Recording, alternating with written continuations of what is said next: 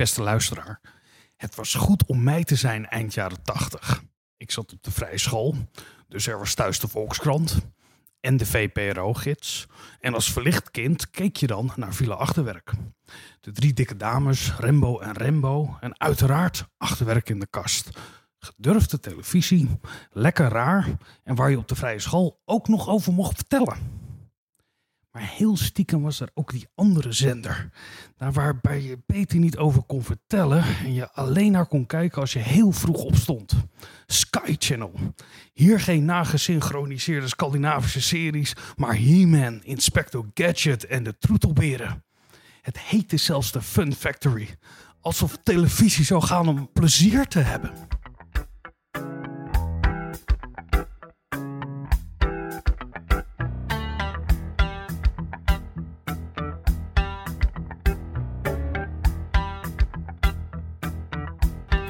Vanuit Amsterdam is dit Onder Media Doctoren, de podcast waarin communicatiewetenschappers zich verwonderen over de media.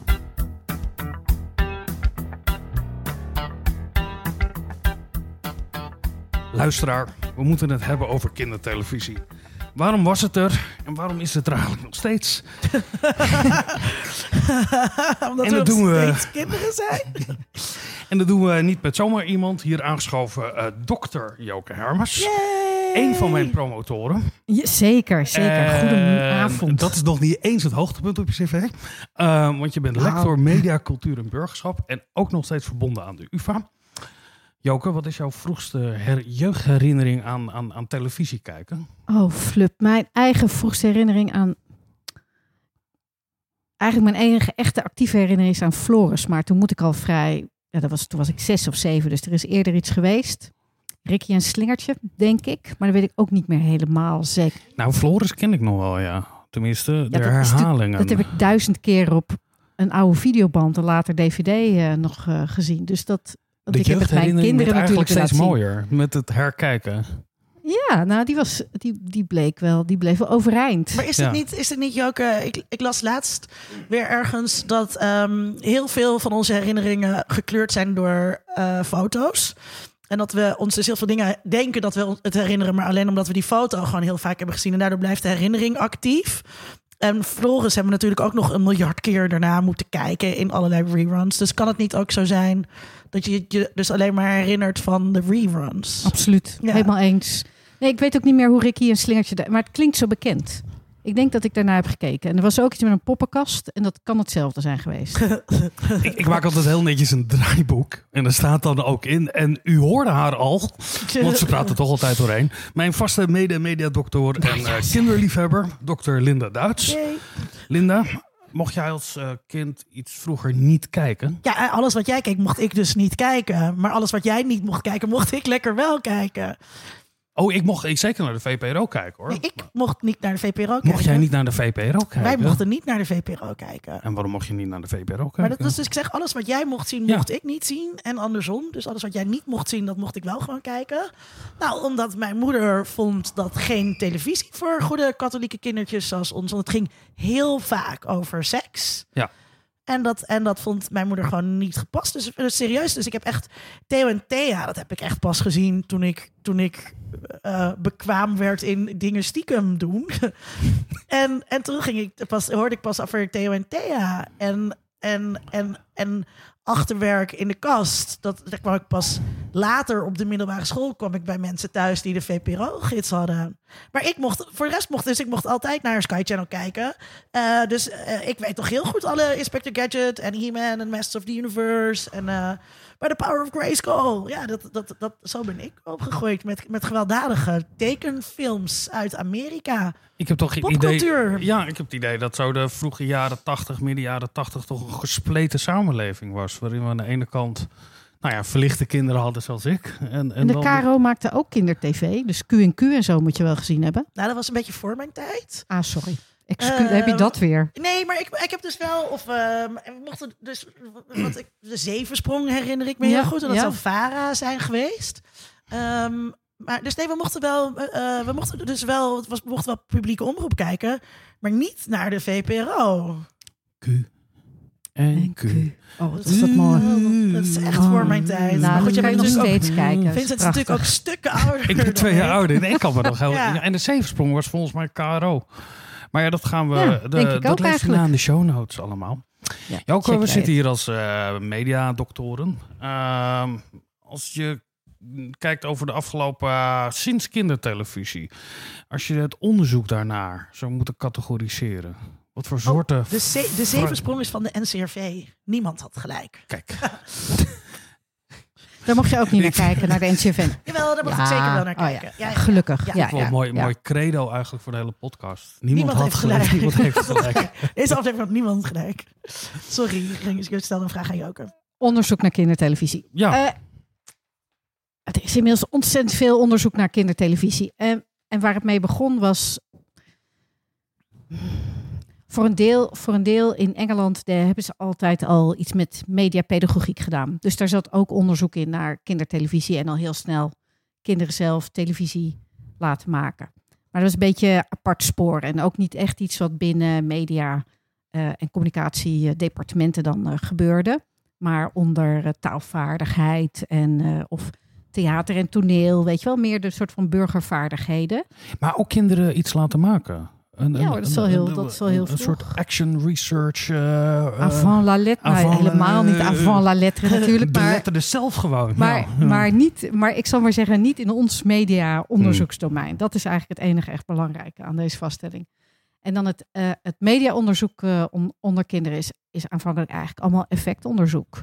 Wat ze, er, wat ze ermee doen, veel, veel experimenten waar je dan gek genoeg met, weet je wel, kleine aantallen kinderen laat je wat zien. En dan kijk je hoe ze zich gedragen. En nou, dan kan je zien of ze inderdaad gewelddadig worden van file-achterwerk. Oh nee, van Inspector Gadget. Wat verdikkie. En, dat is, en, de, en die korte termijn effecten, dat was natuurlijk op zich ook best wel. Ja, het is op zich ook leuke puzzeltjes, maar het zijn niet zoveel over de lange termijn. En dan zie je, dan zie je inderdaad wat later. Nou ja, Misschien is, het, misschien is het voor luisteraars die dat niet weten ook wel aardig om te vertellen hoe dan bijvoorbeeld agressie bij kinderen gemeten werd. Dus je stelde ze bloot aan Transformers. En dan ging, gingen de onderzoekers waarschijnlijk niet meten. Jij weet dit, Vincent. Hoe, of ze elkaar in elkaar gingen slaan. Maar dan hadden ze vast een proxy om agressie te meten. Ja, nou ja, dat in, in, in, in, dat, in, in goed experimenteel onderzoek stel je in dit geval kinderen bloot en daarna ga je vragen of Vragen. ze een, een, Ja. een spelletje willen spelen. Ja. En dan mogen ze helemaal zelf kiezen. En dan bleek inderdaad dat kinderen die blootgesteld waren aan eh, waar dan gevochten werd, dat ze eerder kozen voor spelletjes waar je ook ging vechten of waar meer strijd was. Ehm, dat soort onderzoek is natuurlijk al vanaf de jaren, nou, 50 denk ik, met, met, met de uitrol van televisie zijn de eerste 60 zou vragen denken. hier al over Ja. gesteld in Ja, ieder geval. Ja, Ehm, de, er is wel een kentering geweest in het nadenken daarover. Over, je gaf net al aan over kinderen zelf iets te laten maken. Ehm, Ja, maar die moet je eigenlijk even hier buiten laten. Hè? Dat is echt niet in dat media. Ja. Dat pakken we eigenlijk pas veel later. eh, maar zijn ja, alle bezorgdheid ging over wat, wat, wat is die kwalijke invloed op kinderen. En worden ze er dan eh, vooral agressief, denk ik. Dat een, Ja, nou, mogelijke invloed. Hè? Dus ik, Ja. ik zou al deze brave objectieve wetenschappers niet van willen beschuldigen dat ze dat al van tevoren wisten dat die kinderen daar monsters van zouden worden. Maar ze zijn over, maar dat denk ik eigenlijk wel. Maar, maar dat, daar waren ze natuurlijk eh, naar op zoek. Eh, best lastig ook om vast te stellen. Korte, korte termijn effecten eh, redelijk goed vast te stellen. Dus je wordt inderdaad opgewonden van Inspector Gadget en dergelijke. En dan, en dan wil je wilde spelletjes spelen. Dus nou, daar lijkt wel een verband te zijn. Maar langere termijn absoluut niet te doen. Gewoon niet, niet te vinden, dat verband. Geloof dat het eh, ergens in, nou zeg eens iets, 2012 pas is dat voor het eerst in eh, heel langdurig onderzoek. Een hele specifiek kinderen, een groep kinderen uit, uit buitengemeen arme milieus, verwaarloosd en weet ik het allemaal niet. Die blijken ook langere termijn agressieve effecten te hebben van. En dan niet eens speciale televisie kijken, maar gewoon van veel tv kijken. Maar goed, dat, dat is allemaal niet zo heel overtuigend. Het leuke is Nou, in, eigenlijk in mijn dat proefschrift wat jij begeleid. Moeten we het eerst... Sorry, eh, wacht ik te lang met het over jouw proefschrift Nee, hebben? nee, nee, maar uh, nee, dit, is- dit- ik kwam op een gegeven moment een uitspraak tegen dat inderdaad bij sommige kinderen in sommige omstandigheden kan er zoiets als een effect optreden. Eh, weet je wel, dat soort mitsen en maden die er dan Ja, aan toegekend absoluut, worden. Kijk, de tegenwerping is altijd, kan je dan ook beweren dat het helemaal geen invloed heeft? Nee, natuurlijk niet. Dat kan je helemaal niet. En dat Maar- willen we natuurlijk ook niet, toch? Het doet er wel toe. Als, eh, als media inhoud er niet toe deed, dan waren we er ook niet in geïnteresseerd, lijkt mij. Ja, Maar- ik, weet, ik weet dat eh, Patty Valkenburg aan het begin van eh, beeld, Beeldschermkinderen zegt, eh, haar boek Beeldschermkinderen, al is er maar één kind. Eh, weet je, wat, wat die schadelijk effect heeft. Wat natuurlijk heel gek is voor een kwantitatieve onderzoeker. Om nou, volgens mij zegt ze iets anders. Ze zegt, te steken. Eh, er, er, is eh, evidentie dat het zo'n 2% van de kinderen zouden daar traumatische ervaring mee kunnen oplopen. En als je dan een programma hebt dat populair is, waar 200.000 kinderen naar kijken. Dan zijn er voilà. Ja, hoeveel? Heb je 4000 zo, voor de beta-luisteraars. Uh, mogen dat nu eh, insturen. Eh, het juiste antwoord. Ik heb me daar altijd bij afgevraagd.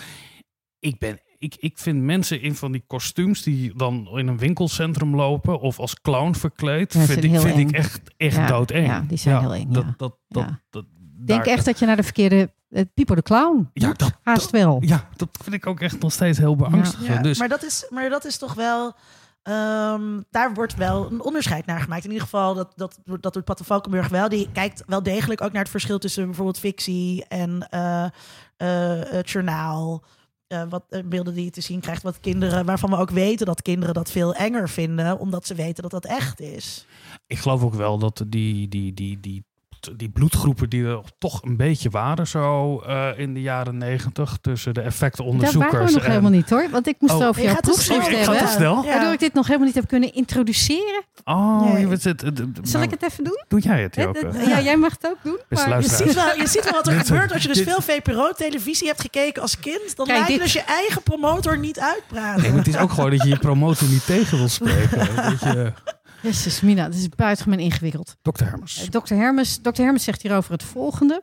Dat, die, eh, dat er in het mediaonderzoek veel meer ruimte komt voor het kijken naar eh, hoe media betekenis hebben. En nou, zoals dat dan gaat, dan begint dat natuurlijk niet met hoe kinderen betekenis geven aan televisie. Maar ook die komen dan op een gegeven moment in beeld als actieve, betekenisgevende wezens. En dan, eh, en dan krijg je een ander soort van verhalen. Eigenlijk zijn die, voor mijn gevoel, lost die hele effectdiscussie zich daarin op. Want in de betekenissen die kinderen geven aan tv zitten natuurlijk ook, nou ja, wat dan media-effecten worden genoemd. Maar ik, nou ja, veel, veel mooier wordt het gevat in, in, in verhalen, in beleving van de wereld, in, eh, in, in ideeën, eh, identiteiten, van, alles, van alles en nog wat, maar weg van eh, dat je een lijstje kan maken van de twee of drie dingen die een, een, een mooi stukje televisie met je zouden doen. Dus het is minder platgeslagen. En dan mag jij nu Nee, weer verder. ik, Oh. Die ruimte die er ontstond, hè, zoals zij het omschrijft. ja. eh, hoe kon het dat die ruimte ontstond? Hoe kon het dat daar die verandering in? Oh, die weet ik. Ja, maar Joke Nou, ook wel. jij, Nee, want dit vind ik, een van de, dit vind ik zelf altijd een van, van de leuke verhalen om te vertellen. Als ik, als ik ehm, eh, uitleg zeg maar, hoe, wat het verschil is tussen die effectonderzoekers eh, en, en, en zeg maar betekenisonderzoeken. dan vertel ik dus altijd, want ik ben feminist, en dan vertel ik over hoe binnen feminisme er altijd heel kritisch naar mediateksten werd gekeken. En ook werd gezegd dat die hebben een slecht effect op vrouwen. En eh, bepaalde populaire cultuurteksten zouden vrouwen weerhouden eh, eh, ervan weerhouden om het patriarchaat omver te willen werpen. En dat werd dan met name gezegd over de boeketreeks of over vrouwbladen. vrouwenbladen of over ehm dramaseries op televisie zoals Dallas. En toen waren er feministen zoals Rien Ang, maar ook Joke Hermes, ietsjes later, die bedachten, eh, ik kijk zelf graag naar Dallas en ik ben een feminist en hoe meer ik het kijk, ik ben nog steeds een feminist. En hoe kan dat nou eigenlijk? En dat was voor die feministische mediawetenschappers aanleiding op een andere manier onderzoek te gaan doen. En te gaan kijken naar nou, hoe geven vrouwen dan betekenis aan Dallas? En eh, hoe geven vrouwen dan betekenis aan de vrouwenbladen. En het geval Dallas is het proefschrift van In Ang. En eh, Easily Put Down is het proefschrift van Dr. Joke Hermes. Zeg ik het goed? Volgens mij begint het al eerder, maar, de, maar, de, maar naar inhoud eh, is het helemaal, is het helemaal eh, prachtig. Jermaine Greer heeft in, wanneer is het? eh 71, 73, wanneer komt de Female Eunuch uit? Zoiets. Nou, dat kan iemand misschien googelen. Daar heeft ze, daar heeft ze ook iets over, over de romannetjes, de lesbische, mi- mind you, romannetjes, die ze verbergt voor een, eh, een eh, subletter. Dat soort van eh, bekentenissen zijn eigenlijk ook heel grappig. Dus dat dat feministische sentiment, dat dat, nou ja, dat dat, 1970, Female Eunuch. jeetje, ik dacht dat het later was, 70. Eh, Jullie De- waren eigenlijk maar daar- eh, redelijk laat. Maar daar, ja, maar daar, maar daar, begint, daar begint dat eigenlijk al. Dat überhaupt het aandacht geven aan populaire cultuur zonder, zonder gelijk eh, eh, te, gaan, te gaan zitten tellen, maar om dat interpretatief te doen. Volgens mij is dat al het, het breekmoment. Ja, en dan duurt het inderdaad, nou ja, tien jaar voordat, voordat eh, In aan haar, was gewoon haar masterscriptie eh, begint. eh, die natuurlijk een prachtig boek eh, wordt, waar, wat was dat, Komrij... eh och, buitengemeen nare dingen over Ja. zei. Oh, oh. Dat het toch, ja, er natuurlijk. was hè, een dat witte man die iets naars vond van wat een vrouw had opgeschreven. Ja, dat was toen zo. Het is zoveel beter geworden. Ja. Ja. Maar, want eh Ien was daar, eh, ging ermee aan de slag. Jij hebt, nou, wat Linda net ook zei. Maar wat ik probeer te begrijpen is, eh, voelde dat ook als een vorm van- verzet tegen de huidige stand van wetenschap over hoe er nagedacht werd over die kwalijke invloeden van media? Nou, Voel je een soort, soort, soort voorvechter ergens voor? eh, heldin op witte paard en zo. Ja. Ehm, ja, tegen de tijd dat ik, dat ik dat doe, ik begin aan mijn onderzoek naar het lezen van vrouwenbladen in 88. Dan, dan, is, dan is dat hele stoere, is er al een, een, een bietje vanaf. Hè? Dan heb je nog wel, dan, dan moet je echt met boeket, eh, boekjes aankomen. Dan nou, had, ik, had ik een werkgroepje over, daar was nog wel wat verzet. Ook onder de leerlingen, die meenden dat dit nou ja, beneden elk niveau natuurlijk was. En ik kan me ook herinneren dat ik nou, in het geheel natuurlijk niet pedagogisch onderlegd, want dat was toen niet nodig voor universitair medewerkers. Maar dat ik, dat ik simpelweg zei, lees het nou maar eerst en minimaal drie en dan mag je er iets over zeggen. En die natuurlijk tot het einde Ik vind dat didactisch gezien nog heel goed hoor. Ja. Nou, ik, nee, ja, ik zou het nu niet meer op die manier Je kan nu doen. niet meer aan studenten vragen om drie boeken te lezen. Nee, dat, dat al is het. Ongeacht dat het mails en Ja. boen is. Ja, dat, eh, dat is eh, mogelijk. Ja, dat dat ook lastig is. Want eh, we hebben het over kindertelevisie. Want in die periode verschijnt ook eh, onderzoek naar waarin kinderen aan bod komen. die dus iets gaan vertellen over wat ze vinden. Kan Ja, dat zijn- eigenlijk wel? En, kinderen vragen wat ze ergens Ja. van vinden. Ehm, eh, eigenlijk is dit een heel diepe vraag. Hè? Kinderen zijn wat mij betreft mensen. En kun je mensen vragen wat ze ergens van vinden? Nou, dan zit je al echt op een hellend vlak. Maar ze hebben in ieder geval altijd wel wat te zeggen. Net zoals volwassenen hebben kinderen wel iets te zeggen. Ik denk de grote risico's met, met kinderen. Het zijn er eigenlijk, het zijn er eigenlijk twee kinderen zijn.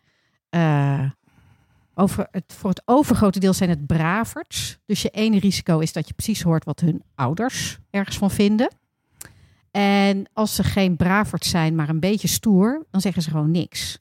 Hè? De, ik ga jou vertellen wat ik vind. Nou, bekijk jij het maar lekker. Dat, meer dat.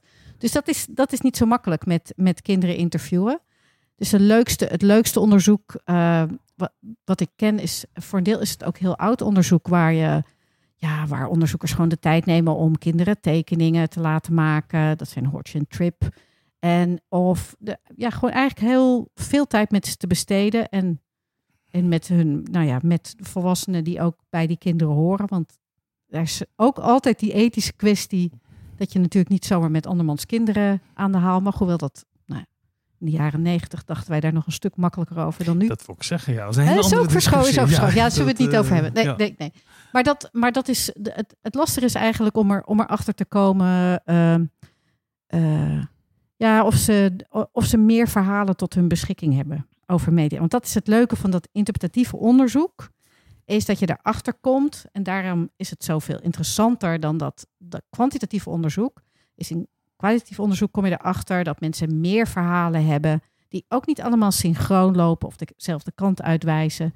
Omdat ze, omdat ze raken aan allerlei verschillende stukjes culturele kennis die ze die ze hebben. En dat is met volwassenen is dat eigenlijk, als je maar lang genoeg met ze praat. Dan, dan komen er altijd heel verschillende stukjes en beetjes bij elkaar, die ook soms lekker gespannen eh, ten opzichte van elkaar staan. Dan heb je, ja, als, je, als je oplet als publieksonderzoeker, dan, heb- dan heb je snel heb je een spannend gesprek.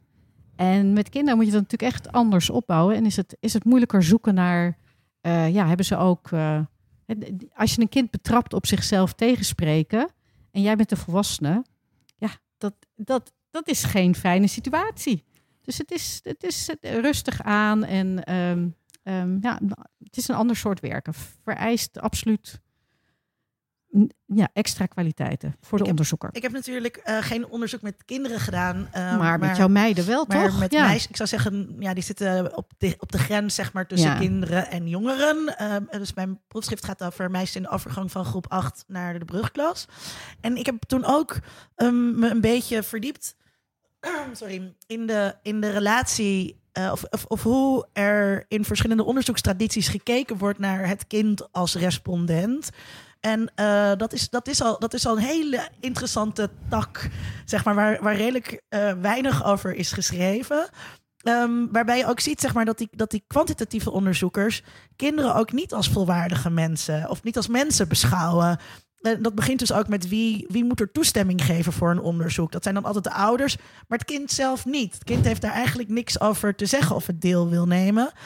Ehm, en je ziet dus dat, dat het eigenlijk heel gek is dat die kinderen dus bij voorbaat al niet serieus genomen worden.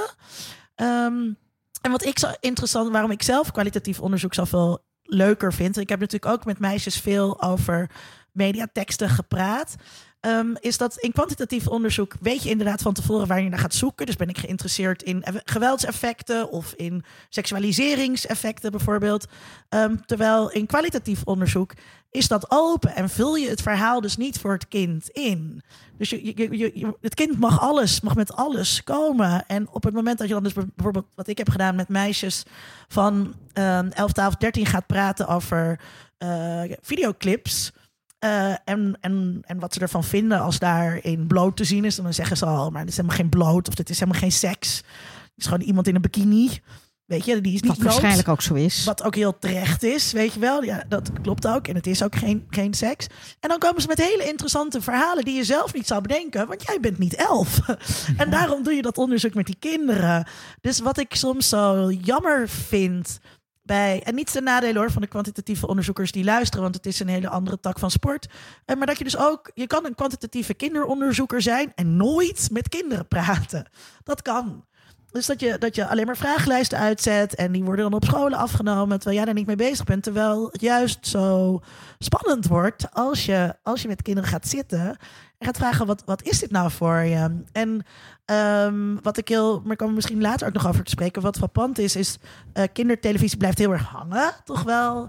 Eh, bij mensen, is je merkt ook in de nostalgie, zeg maar, die tieners en twintigers hebben en heel veel vertonen op sociale media. Dan gaat het allemaal over dat ze Pokémon keken. En dat weten ze nog heel goed. En daar, daar blijven ook verhalen van hangen. Ja, wat, wat moeilijk is in kwantitatief onderzoek is eh, het te hebben over plezier. Ehm, behalve Wat is dit gekke woord dat jij gebruikt? Ja, nou ja, je kan het kwantificeren natuurlijk op een. eh, eh, want jij, jij hebt je eigen onderzoek natuurlijk. Je bezig Plezier Ik uit vind- populaire cultuur, Vincent. Nu gaan we wel heel Ik- ver. in mijn onderwijs heb ik het vaak gehad over hoe mooi het woord pleasure is. eh, en hoe, het zich, hoe moeilijk het zich laat vertalen eigenlijk. Vond het, hè, het ligt ergens tussen plezier en genot in. Wat je daarmee kan doen. Wat voor inzichten hebben we eigenlijk verkregen door dit soort onderzoek op deze manier te verrichten? Wat, wat is gebleken uit het onderzoek naar of naar kinderen die naar kindertelevisie kijken of naar vrouwentijdschriften? Kunnen we daar een inzicht uit, kunnen we daar iets uit concluderen uit dit soort onderzoek? Wat kunnen we concluderen uit het hebben? Ik noem het soms ook wel genoegen. Het is natuurlijk zo'n. eh, het, het is eh, van, alles, eh, van alles tegelijk. Jemig. Nou ik denk dat we veel te weten komen over, over, eh, over cultuur, over hoe groepen met elkaar omgaan, wat voor soort van wisselgeld we in gesprek als het ware met, de- met elkaar hebben, maar ook waar we ons comfortabel voelen. Ehm, dus ik, ik heb zo zeg maar bijna antropologisch eh, nut, zie ik, eh, zie ik aan dit soort van, van onderzoek. Ehm, kijk, als je hem. Eigenlijk ben ik zo opgehouden met die tegenstelling quanti-quali. Want kijk, die, met kwantitatief onderzoek. En wat facts en figures kun je natuurlijk allerlei grappige dingen laten zien. Eh, als je veel reclames eh, rond, eh, weet ik wat, Sinterklaas uitzendt, dan, dan, nou ja, dan, dan kan je dat koppelen aan wat er, wat er precies verkocht wordt. Dat er veel verkocht wordt, dat haalt je de koekoek. Maar dat is natuurlijk altijd leuk om te kijken hoe het, hoe het precies zit. En het zit toch altijd net even iets anders dan je zou denken. En dat, eh, ik, zal maar zeggen, dat deel wat heel erg ging over attitudes. En dat effectonderzoek zit ook dicht op dat attitudeonderzoek. Daarmee reduceer je mensen naar types. Ja, dat vind ik zeker in polariserende tijden. Volgens mij hebben we daar, hebben we daar nu helemaal niet zoveel eh, plezier eigenlijk van. Maar ik had nooit zo ehm, die plezierdiscussie. Die, die, ja, die is daar eigenlijk niet specifiek heel relevant, hè? Maar jij hebt er wel iets mee. Nou ja, ik, plezier ik- is een heel wat- ander wat ik- soort ding. ik denk dat een van de dingen die we zijn tegengekomen is dat mensen op verschillende manieren plezier beleven aan hoe ze Ja. media gebruiken. Ja, En dat er niet een dat de bedoelde manier van plezier hebben, ja, eh, ja. dat dat heel erg los kan staan over hoe wij als kijkers, maar ook als kinderen daarnaar kijken.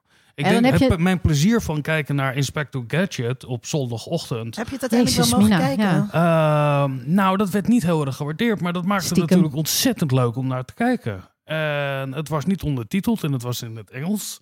En het was dan eigenlijk ook nog eens een keer heel exotisch. Eh, want ja, jeetje, het was de eind jaren tachtig. De wereld was nog heel groot toen. Eh, dat maakte het heel exotisch en spannend om naar te kijken. Eh, Maar, maar alsof waar je het een- nu eigenlijk over hebt, Ja. hè, dat is, dat is soort van het, een, een surplus aan betekenis wat ontstaat. Wat helemaal niet meer echt makkelijk in woorden is te vangen. Dus wat je, en dat is echt weer later dan dat jaren negentig onderzoek waarin dat, waarin dat plezier. eh, nou ja, goed, de Fisk is daar natuurlijk in de jaren tachtig mee bezig en wij anderen volgen dan eh, op enige afstand. En, maar nu zou je zeggen dat het gaat over affect. Dus niet meer over effecten met een E, maar affect met een A. Dus, dus die hele gevoels- en belevingswereld, die allemaal, die energie die vrijkomt eh, door, nou ja, in, in wat die, wat die, op, dat iets met die media doen voor je, voor je bewerkstelligt. En of dat nou een, een, een game is of tv kijken of, of wat dan ook, dat is, ja, dat is ook al, dat kan je bijna alleen maar beschrijven, zou ik haast- zeggen. Dus dan heb je het over, nou ja, weet ik wat, dan zou je auto-etnografie of dit soort van nostalgische herinneringen eh, moeten kijken van hoe daar, nou ja, langzaam maar zeker greep wordt gekregen. Of je gaat in groep 8 zitten en eh, je kijkt naar wat voor rol Ja. eh, het praten over televisieprogramma's speelt in zo'n klas. Ja, absoluut. Dat, dat Ja. kan, kan gewoon. Super interessant proefschrift. En, ehm, maar, en dan zie je dus ook weer allerlei andere betekenis die er is. Bijvoorbeeld, waar, waar jij het ook over had, over dingen die je, die je niet mag kijken, maar toch kijkt. Dat levert heel veel status op eh, in groep 8. Want Dat zal anders zijn in groep 5, waar dat, waar dat minder belangrijk eh, is. Maar in groep 8 speelt het, speelt het echt een rol. Dus dat je media gebruikt die eigenlijk niet voor jouw leeftijd bedoeld zijn, bijvoorbeeld. Eh, dat komt daar heel erg uit. Maar ook ehm, ja, het, het, het, het, wat mensen kennen als het gesprek bij de koffieautomaat of de, de, de waterkoeler. Nou ja, een, een klas met kinderen is één groot gesprek bij de koffieautomaat. Die dus, in ieder geval toen ik mijn onderzoek deed en mensen nog wat meer lineaire televisie keken, allemaal hadden over: heb je gisteravond Charmed gekeken? Heb je het gezien? En, ehm, en daar zit dus ook weer een hele laag aan betekenissen die ver voorbij gaat aan. ehm, eh, ehm, word, je, word je er gewelddadig van? Of leidt dit tot een bepaalde houding ten aanzien van heksen? Ik denk dat je er een eh, Charmed. Of, social justice warrior van wordt eigenlijk. Toch? Charmed ging wel erg over goed en fout en zo. ja, En ook dat je ervoor moest opkomen als je vond dat daar de zwakkeren... ja, eh, en, dat ja, het, eh, en, dat het, dat, en dat er kracht zit in samen met je zusters. Nou, Eh, je verzetten Voilà. tegen. Ja, Ja. die demonen waren ook heel vaak mannen trouwens. Ja. ja, Zie, absoluut. dat effectonderzoek is eigenlijk gewoon waar. We hebben dat nou nee, wel- daar hoef je dus geen vragenlijsten voor uit te zetten. Dat is het punt. Maar je kan dus niet Maar aan die- meisjes van, van 12 gaan vragen. Ik kan je wel een vragenlijst van. eh eh, eh, voel je je hierdoor dichter bij je vriendinnen staan? en daar zal dan misschien ook wel iets uitkomen. Maar het is natuurlijk veel interessanter om te zien met wat voor verhaal ze zelf komen daarover. Eh, of om te zien hoe die banding in een vriendinnengroep werkt door over dat televisieprogramma te praten. Ja, we hebben alle drie natuurlijk veel ervaring met ook onderwijs geven rondom deze theorievorming. En een van de mooiste ervaringen vind ik altijd dat studenten het heel erg vanzelfsprekend vinden om mensen te interviewen over hun betekenisgeving aan televisie, wat dan ook. Maar als je die vragen omdraait of voor jezelf stelt, nou luisteraar, doe het zelf maar eens. Breng maar eens goed onder woorden waarom je iets interessant vindt, zonder in een soort algemeenheden terecht te komen. Of, of waarom prikkelt het? Ehm, ik merk dat. Ik, ik kijk nu heel graag naar die programma's waarin dingen worden opgeknapt. Dat is, eh, ik ben zeker niet de enige die daar eh, kijkt hoe iets van wat ooit onder roes zat, nu niet meer onder de roes zit. Ja, ik, ik kan daar eh, heel diep en lang over eh, eh, mijmeren. Maar ik weet nog steeds niet waarom ik dat nou zo bevredigend vind. Ja, kijk, Joke en ik hebben natuurlijk daadwerkelijk interviews gedaan. en jij niet. Maar ik weet zeker dat Zo, een beetje onder de gordel. Ja, dat Oh, wel Oh, dat is gewoon waar. Dat is gewoon waar. Ja, sorry, nooit sorry, het is gewoon waar. Ja, ja. Ach, ach, ach, Linda. Ja, maar ik bedoel dus onder de gordel. Maar ik weet zeker dat als Joke eh, een uur met jou gaat zitten... of als ik een uur met jou ga zitten... Ja, natuurlijk. Maar als dan, je, dan kom als je, ik wel tot een... Dan, dan, komt, dan komt er wel een interessant verhaal uit jou, hoor. Nee, maar als je op, aan een soort self-reporting moet gaan doen over waarom je het zelf doet. Kijk, als Ah, je zo. in een begeleid gesprek kom je misschien nog een heel eind. Ja, ik ben dus ook geen voorstander van dat soort auto-etnografie. En, ehm, en dat de mediastudies gebeurt dat natuurlijk heel vaak. Want dan heb je, dan heb je gewoon een mediawetenschapper en die leest een tekst.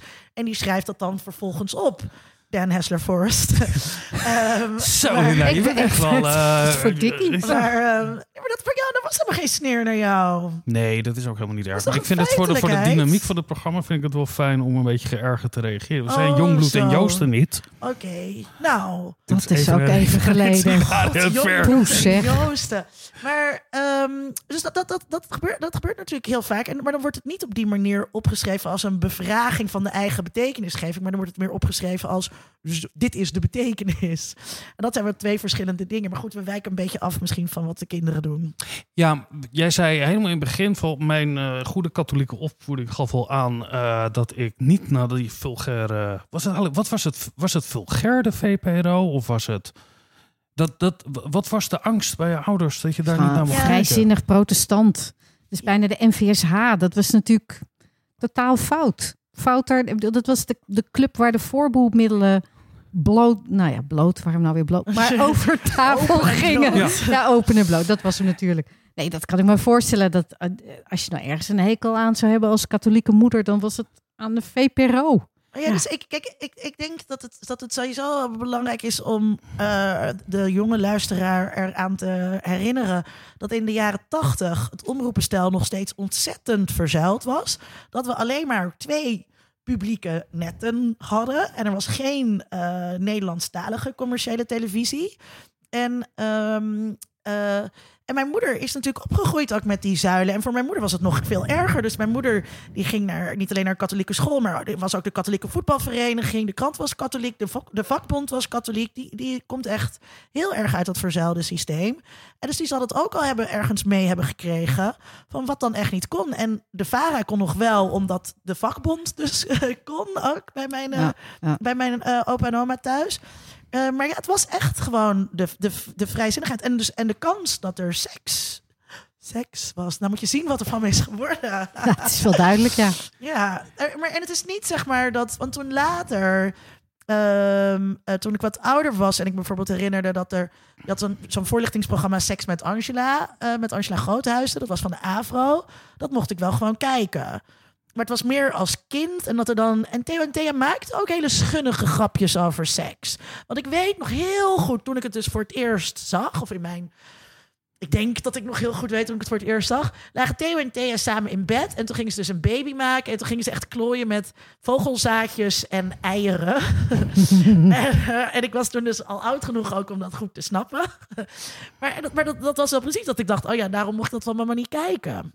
Ja, ik kan me ook inderdaad herinneren, precies andersom, dat mijn ouders, vooral mijn vader, wel een soort viering had van de bevrijde klasse. Kijk eens wat de openheid die ik hier toon, dat we hier gewoon naar kijken en hard om lachen. Maar en waarom mocht je dan niet? Want ehm, ik, ik, als, ik, als ik terugdenk aan eh, Inspector, in Inspector Gadget, zat een van mijn lievelingspersonages nog steeds ooit. Penny, het nichtje van Inspector Gadget. Ja. En die had een eh, computer. Dat was een laptop voordat er laptops waren. was namelijk een boek. Dat deed ze dan open, dan bleek er een computer in te zitten. Dat was voor mij echt een, een, een, weet je, een soort Pippi Langkous heldin. Die is jou eh, ontzegd. Nou, kijk, mijn ouders waren binnen het, het, het, het antroposofische, zaten wel aan de wat, wat gematigde kant, zeg maar. Uh, dus het werd niet zozeer verboden. Dat ook plastic dat is voor de, voor de dramaturgie Nou, van de. Van, ik had ook. Nou ja, maar wel overwegend hout speelgoed natuurlijk. Uh, een zie- van onze redacteuren komt ook van de vrije school. Die schiet in Dezelfde de vrije school overigens. Uh, Had je nee, thuis geen plastic speelgoed, Marijn? Marijn vertelt dat hij vroeger geen speelgoed had. nou, Wouter. Nee, maar Vincent, waarom mocht jij dan... Weet je waarom jij niet naar eh, Transformers mocht kijken? Oh, dat was eh, ten eerste omdat het een, een, een soort. eh, het was commercieel. Ja. Dat was een soort term waarmee alles werd gezegd wat niet eh, kon. En waar ik achteraf van Maar wat heb betekende dat Nou, dat is een simpele. Commercieel staat tegenover kunst. En kunst hoort bij eh, ehm, ja, afst- afstand nemen tot het, tot het object. Waardoor je tot inzichten kan komen. En bij, en bij commercie is er onmiddellijke bevrediging. En we weten allemaal waar dat toe leidt. Ik bedoel, Ja, en er waren gewoon kwaadaardige mannen ergens die dingen gingen verzinnen, waardoor wij dingen gingen doen die we eigenlijk niet wilden. Namelijk dingen kopen. En die maakten het niets uit. Die gingen echt over kinderlijkjes, eh, bij wijze van spreken. Die daar helemaal. En dan had je die andere, die VPRO-televisie, die trachtte je niet alleen iets te leren op een schoolse manier, maar die trachtte je te bevrijden. Ik had wel en inderdaad- zelfstandig te laten nadenken. Dat Ja. was het hele ding. Maar ik, had, maar ik had dus eh, inderdaad eh, Transformers speelgoed. Fucking vet. Ja, zeker. Sorry Marijn. En, eh, er- Transformers en Marijn, dat is een, zijn een soort plastic potjes die. het, zijn dus, het zijn dus auto's, maar eigenlijk zijn het machines. Maar, ehm, eh, en daar ging ik dan mee spelen. En daar, en daar had ik dan heel veel verbeelding eh, bij. En buiten speelden we ook Transformers. Want iedereen bij ons in de buurt... Wij hadden ook geen VPRO-kinderen in de buurt wonen. Dus iedereen bij ons mocht dat gewoon kijken. En dat speelden we dan ook allemaal. Maar Linda, er worden nog steeds een heleboel jeugd- en kinderdocumentaires gemaakt. En daar gaan we nu naar kijken.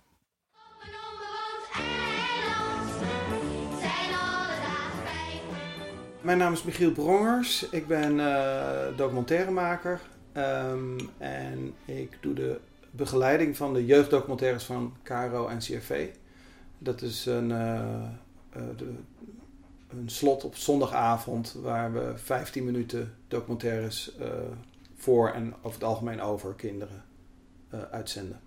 Ik heb al heel erg lang twee paden bewandeld. Eentje van de jeugd, eh, en jeugdtelevisie. Ik heb bij Villa Achterwerk gewerkt en eh, nog eh, als telefonist bij Bosbros gewerkt ten tijde van Minous. Heel, veel, heel veel jeugddingen gedaan en daarnaast heel erg lang ja, de ambitie gehad om zelf documentaires te maken. Ja, en dat is in deze functie eigenlijk heel mooi samengekomen, die twee paden. Kindertelevisie wordt vaak als apart genre eh, aangemerkt. Ehm, en dat vind ik eigenlijk een beetje raar, want eigenlijk gebeurt dat nergens anders.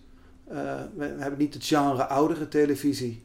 Eh, die ouderen hebben ook behoefte aan en entertainment en verdieping en verstrooiing en informatie. Dus wat dat betreft, kinderen zijn net mensen. Eh, eh, alleen eh, ze zijn wat kleiner. Voor de rest is ja, alle. alle het is een doelgroep. En, ehm, en daarin ja, ben ik heel erg van overtuigd dat kinderen dezelfde behoeftes hebben als volwassenen. Namelijk zich te kunnen herkennen in, ja, in de media die ze voorgeschoteld krijgen. En daar hoort documentaire ook bij. En, en eh, documentaire film is wat mij betreft eh, onderscheidt zich van non-fictie kindertelevisie Doordat uh, ja, eigenlijk op dezelfde manier waarop documentaire films zich bij volwassenen onderscheidt van human interest items, journalistiek. en dat zit hem toch voornamelijk in het makerschap omdat we geloven in, het, in de kracht van de maker en, en de visie van de maker en de auteursfilm eigenlijk uh, uh, ideaal gezien daar, daarin. Een, uh, een herkenbare film van, met een herkenbare stijl en, en invalshoek. Um, selecteren wij niet aan de voordeur op thematiek of de, echt het voornaamste waar wij op selecteren en, naar, en naar kijken en voor waken, is dat de, um, dat de film altijd vanuit het perspectief en vanuit de belevingswereld van kinderen uh, gemaakt wordt. Dus uh, wat we nog steeds heel veel tegenkomen, en dat is ook niet gek, maar dat makers vanuit een volwassen perspectief naar kinderen kijken. En meestal is dat toch een beetje van, wat zijn kinderen toch bijzonder. Wat, uh, ach, die kinderen, die, de gedachten die in die kinderen omgaan. Dus dat is een verwondering en een, en en een interesse van, vanuit een volwassene naar kinderen.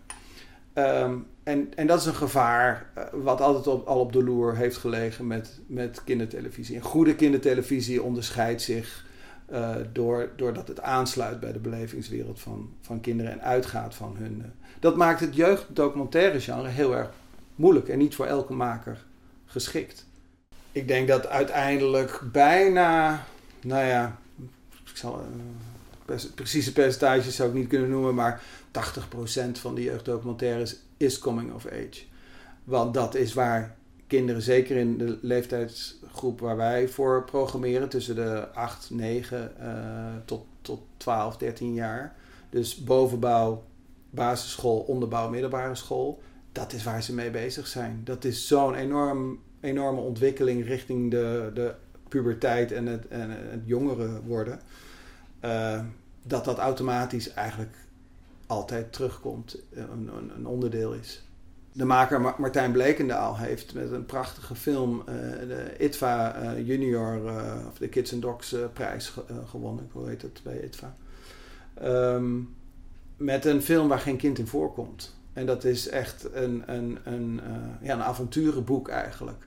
En ik vind dus dat als je kinderen en jeugd uh, als volwaardig publiek, een serieus te nemen uh, publiek uh, ziet, um, dat je dan ook ja, moet putten uit de mogelijkheden die je hebt als filmmaker om je verhaal te vertellen.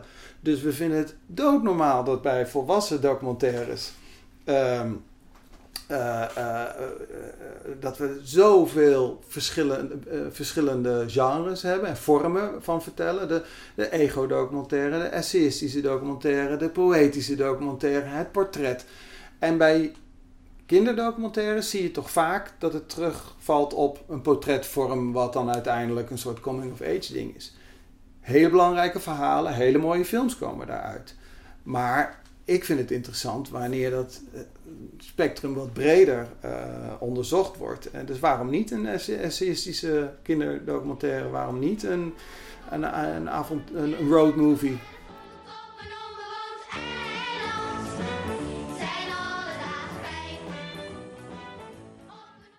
Dankjewel, Michiel. Op een onbewoond eiland, dan maar liever niet met Michiel, hè? Wat, wat, Joke, normaal gesproken, onze gasten die zitten dan vaak in stemmen te knikken. Oh, echt waar? Daar heb ik je niet op kunnen betrappen. Nee, maar ik hou helemaal niet van documentaires. Hè. Dus het is een verloren strijd voor deze arme man. die dan ook nog... Het is net zo, weet je wel, uh, stel je voor je vraagt een, een schilder over... Uh, wat uh, de, haar zijn schilderwerken betekent. Kan je ook van die teksten dat je denkt... Weet je, ik kijk er wel gewoon naar. En dan ga jij leuk iets anders doen. En, en het is eigenlijk een essay met een eigen tijds commentaar op het concept van de road movie voor kinderen. Mijn schilderij. Ja, dat bedoel ik. Dan ga je gang, be my ja, guest. Jongens, kunstopschouwingen en alles wat eraan... En, en, en, jij werkt ook nog steeds bij een afdeling waar nou filmanalyse natuurlijk ook... Een... Ja, maar, ja, nee, maar daar, dat, laten we het daar niet over hebben. Dat is een klein ik, wilde een kleine stapje maken om gewoon namen en rugnummers te gaan noemen. oh mijn god, nu wordt het echt serieus. Nee, kijk. Uh, hij heeft het over kinder documentaires. Hoeveel kind, nou ja, ja, we hebben er hier waarschijnlijk twee dan die eh, eh, daarna zouden hebben kunnen kijken. Als je ouders hebt die heel erg zitten op VPRO TV en, en, eh, en eh, En volks, volksverheffing via ja, kindverheffing via de juiste media. Dan, dan krijg je, ja, en die hun kinderen meenemen naar het, naar het, nou, ja, niet ik naar het dus- ITVA, maar naar hoe Nee, heet ik heb, het? dus, ik heb een paar keer eh. tijdens, eh, tijdens het, eh, toen ik nog moderator was voor het ITVA, eh, ehm, eh, heb ik een paar keer Kids en Docs eh, Ja, gemodereerd. hartstikke Want leuk allemaal ik ben leuk met kinderen. En, eh, Luisteraar, u zou het niet zeggen. ja. en, Met volwassenen is het vaak niet zo leuk, maar met kinderen u zou je er een keer moeten zien. En, eh, en, dat, en dat is heel typisch publiek. Bijvoorbeeld Precies. Komen daar kinderen van documentairemakers. Zeker. En dat, maar het is een heel typisch eh, eh, Amsterdamse vrije school eh, publiek wat daarheen gaat. En, daar, en, daar, en, en, en die kijken die documentaires. En alle andere kinderen kijken natuurlijk gewoon naar K3. Nou, nou ja, de K3, dat wordt langzamerhand lastig. Hè? Maar goed, waar ze dan ook nu naar kijken. De, er Maar is vind je het leuke. elitair? Wat zeg je? Vind je het gewoon elitair, dit? Ik vind het. Oh jee, ik vind het een beetje besides the point. Eh, als je het wil hebben over kindertelevisie. Eigenlijk is het commentaar op jullie hoor. Het, die, arme, die arme meneer, die, die kan ik dit allemaal niet aanrekenen. hè? Maar, maar waarom, waarom willen jullie dit fragment laten zien? Vraag ik mij af. Dit is niet de kern van kindertelevisie.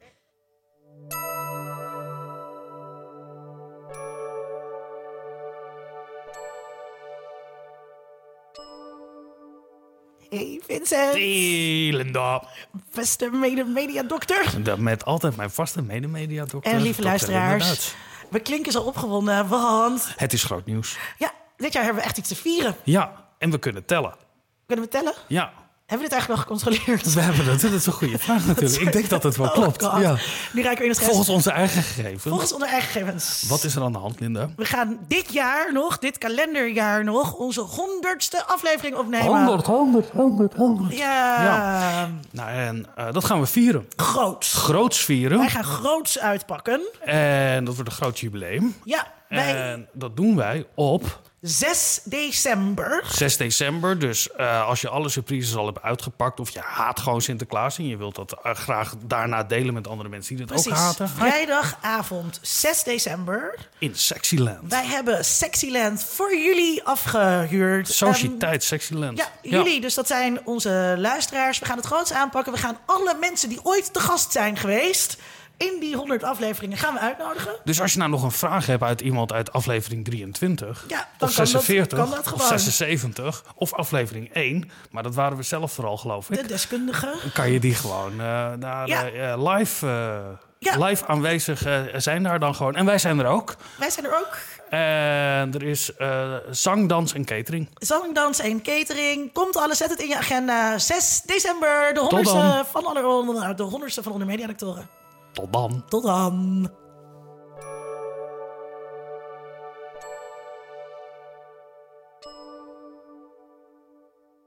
Kijk, wat is nou, waar gaat kindertv nou? Dat is het leuke, vind ik, van, het, van dat interpretatieve onderzoek naar kindertv. Is dat kinderen wel degelijk verschillen van eh, volwassen publieken, ondanks dat ze gewoon mensen zijn.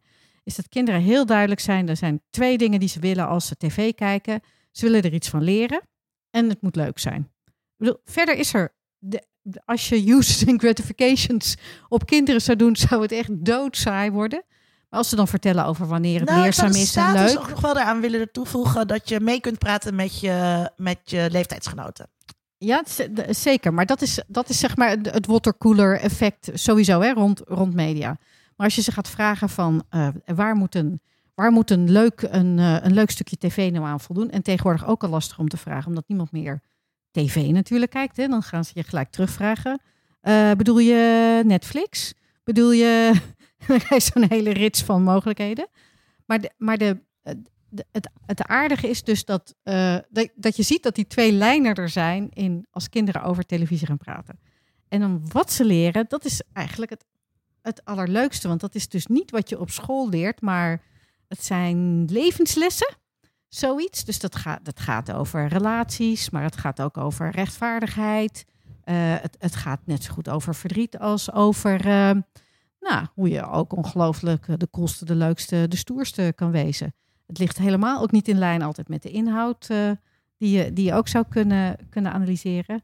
En het, en het aparte argument dat het, dat het leuk moet zijn, dat vind ik altijd het allergrappigste. Want dat betekent heel vaak gewoon dat het niet te lang mag duren. Nou ja, je begrijpt dat als je dan hebt over. Wat wil die doen? Essayistische ego-documenten vanuit het perspectief van het kind. Maar dan neem ik aan wel door een volwassene. Dus eh, dan krijg je een soort van psychoanalytische sessie waarbij. Nou, het- ik moet er niet aan denken eigenlijk. Ik moet even zeggen, wel, die, ITVA, die, ik, die Kids en Docs zijn echt heel leuk. En dat, Dat zijn, zijn hele mooie natuurlijk. documentaires van een minuut of tien. En die gaan dan bijvoorbeeld over hoe leuk Joke het heeft met haar paard. En, ehm, hey, hoe persoonlijk gaan we het maken? Ja, precies. Eh, eh, en, dat, en dat wordt dan op een mooie manier neergezet. Want ik, dat wil ik nog wel even zeggen. Ik ben het niet met hem eens dat, die, dat dat soort documentaires allemaal coming of age zijn. Dat zijn Nee, echt toch? geen thema's die ik in ieder geval in de selectie van Kids and Docs terugzie. Nou, hij zit er natuurlijk middenin. En hij is ook degene die ook bij ITVA daar betrokken was toen ze een prijs wonnen. Ehm, maar ik vind het wel heel typerend dat je zegt... ja, eigenlijk, dit, we hebben dus een genre, dat noemen we kinderdocumentaires. Hij heeft eigenlijk niet zo heel veel met kinderen te maken. Nee, heeft met Wordt een te kindertelevisie maken. eigenlijk ook vooral voor ouders gemaakt? Tenminste, van de publieke omroep. Ehm, nou, ik, ik, ik denk dat ehm, daar dus wel een onderscheid. Ja, we zitten hier misschien, maar zo zijn we er natuurlijk ook ingestoken aan het begin al. Dus het is moeilijk misschien om daar, om daar uit te komen.